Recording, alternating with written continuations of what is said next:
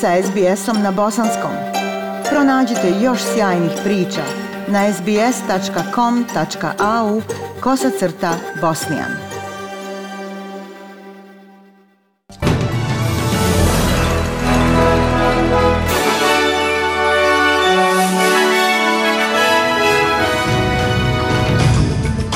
U današnjim vijestima poslušajte. Australija osigurava dodatnih milion doza vakcine Moderna iz zemalja Evropske unije.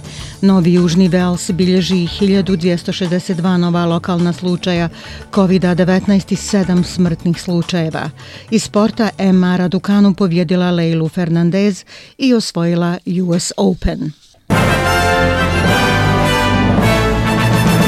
Slušate vijesti SBS radija na Bosanskom. Savezna vlada Australije osigurala je dodatnih milion vakcina Moderna iz zemalja Evropske unije. Vakcine će stići sljedećeg vikenda. Australska tehnička savjetodavna grupa za imunizaciju sada preporučuje Modernu za svakog iznad 12 godina.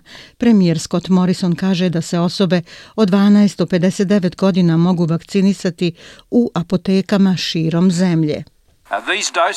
Um, Ove doze plus su već ugovorena opskrba Australije podijelit će se na 3600 apoteka u cijeloj Australiji. 1800 apoteka počeće primati doze od 20. septembra, stići će krajem sljedeće sedmice. Gospodin Morrison posebno se zahvalio vladama Španije, Portugala, Češke, Bugarske te komisije Evropske unije kao i Norveškoj i Švedskoj koje su pomogle u olakšavanju dogovora u posljednjih nekoliko sedmica.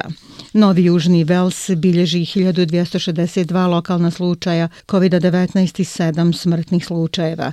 Došlo je do određene stabilizacije u nekim predgrađima, ali virus se i dalje ubrzava u nekim predgrađima u jugozapadnom Sidneju i zapadnim područjima. 78% starih od 16 godina imalo je barem jednu dozu vakcine protiv covid a 45% stanovništva potpuno je vakcinisano. Premijerka Gledis Beređiklijan kaže da je druga doza zagarantovana kada se neko prijavi za prvu dozu. Zaista želimo vidjeti da prijava za prvu dozu bude što je moguće veća prije nego što se otvorimo kako bismo dobili dodatni nivo pokrivenosti i sigurnosti. Lično se radujem kada dođemo do tih 80%, ali to nije do nas, pa vas molimo da ohrabrite sve u vašem krugu koji još nisu vakcinisani da se jave i uzmu vakcinu. Od sutra premijerka više neće održavati svoje svakodnevne briefinge za novinare o COVID-19 u 11 sati, ona i drugi ministri održavaće konferencije za novinare po potrebi. Viktorija danas bilježi 392 nova slučaja COVID-19 na lokalnom nivou.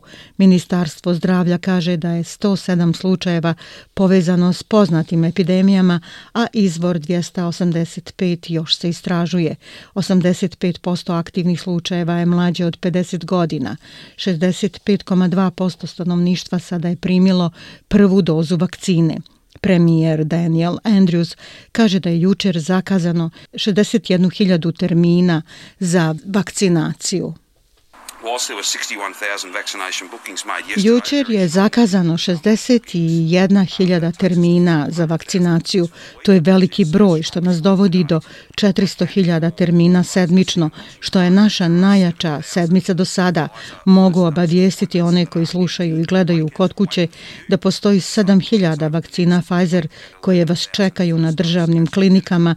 Tokom sljedeće sedmice 11.000 prve doze AstraZeneca dostupno je i na državnim klinikama.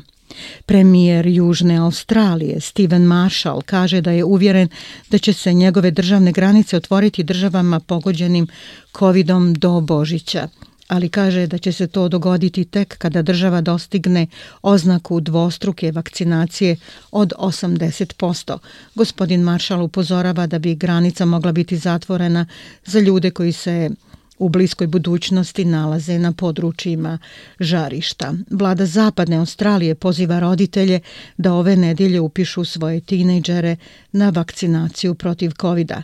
Svi stari od 12 godina od ponedjeljka 13. septembra imaće pravo na vakcinu Pfizer, pošto država prođe 1,9 miliona vakcinacija. Rezervacije se mogu vršiti sutra od 8.30 ujutro. Još 50 miliona dolara biće potrošeno na pokušaj uvjeravanja 20% australaca koji se ne mogu odlučiti da se vakcinišu protiv covid -a. Savezna vlada je danas pokrenula novu kampanju koja promoviše sve veću mrežu mjesta za vakcinacije ciljajući na mlađu dobnu skupinu. Kampanja pod nazivom First Things First ističe slobode koje će vakcinisani Australci uživati kada se postignu ciljevi od 70, a zatim 80% vakcinisanih. Vijesti svijeta porodice žrtava terorističkih napada 11. septembra odale su počast poginulima na posebnoj ceremoniji povodom 20-godišnjice događaja. Predsjednik Joe Biden i bivši predsjednici Obama i Clinton. Pridružili su se rodbine žrtvama i onima koji su se prvi odazvali kod memorialne ploče 11.9. u Njujorku. Svečanost je započela minutom šutnje u 8.46 tačno vrijeme kada je prvi od dva aviona uletio u tornjeve bliznace Svjetskog trgovinskog centra. Otac Sare Lowe, stewardese u jednom od otetih aviona, Mike Lowe, dao je uvodnu riječ. These 20 years have felt like both a long time. Ovih 20 godina činilo mi se i dugim i kratkim. I dok izgovaramo imena onih koje smo izgubili, moje sjećanje seže do onog strašnog dana kada se činilo da se zli bauk spustio na naš svijet. Ali to je bilo i vrijeme kada su mnogi ljudi djelovali izvan uobičajenog. Rođaci su zatim glasno pročitali imena 2977 žrtava, godišnji ritual koji traje četiri sata. Čelnici svijeta također su izrazili saučešće povodom 20 20-godišnjice najgorih terorističkih napada na svijetu. Kraljica Elizabeta poslala je svoje misli i molitve žrtvama, preživjelima, pogođenim porodicama i onima koji su se prvi odazvali. Članice NATO-a položile su vijenac i odale minutu šutnje u znak sjećanja u Briselu. Ljudi širom Sjedinjenih država održavali su događaje, uključujući Pentagon i Pensilvaniju, gdje su se srušila dva oteta aviona. U Australiji je ceremonija održana u subotu popodne na nacionalnom ratnom spomen obilježju u Kamberi. U napadima je ubijeno deset Australaca.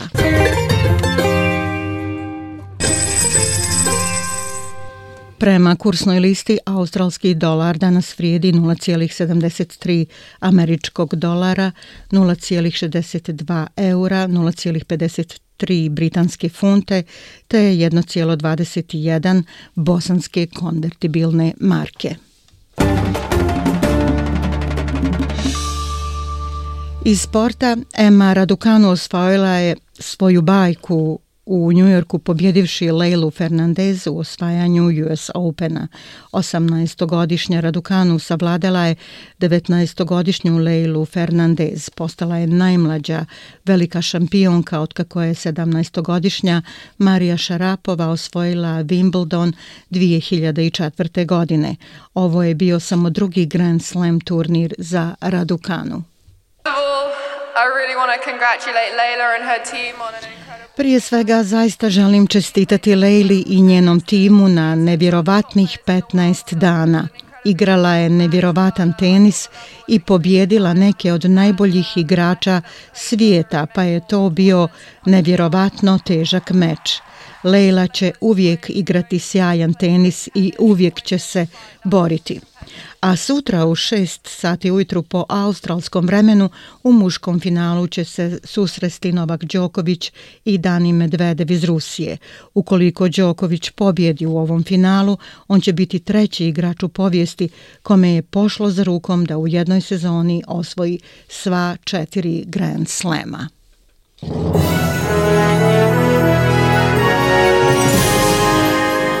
I na kraju temperaturne vrijednosti za veće gradove u Australiji. U Pertu 19, Adelaidu 14, u Melbourneu oblačno 15, Hobartu 13, u Kamberi 18, Sidneju sunčano 29, Brisbaneu također sunčano 29 i u Darwinu 33 stepena. Bile su to vijesti SBS radija na bosanskom jeziku. Ja sam Aisha Hadži Ahmetović. Ostanite s nama.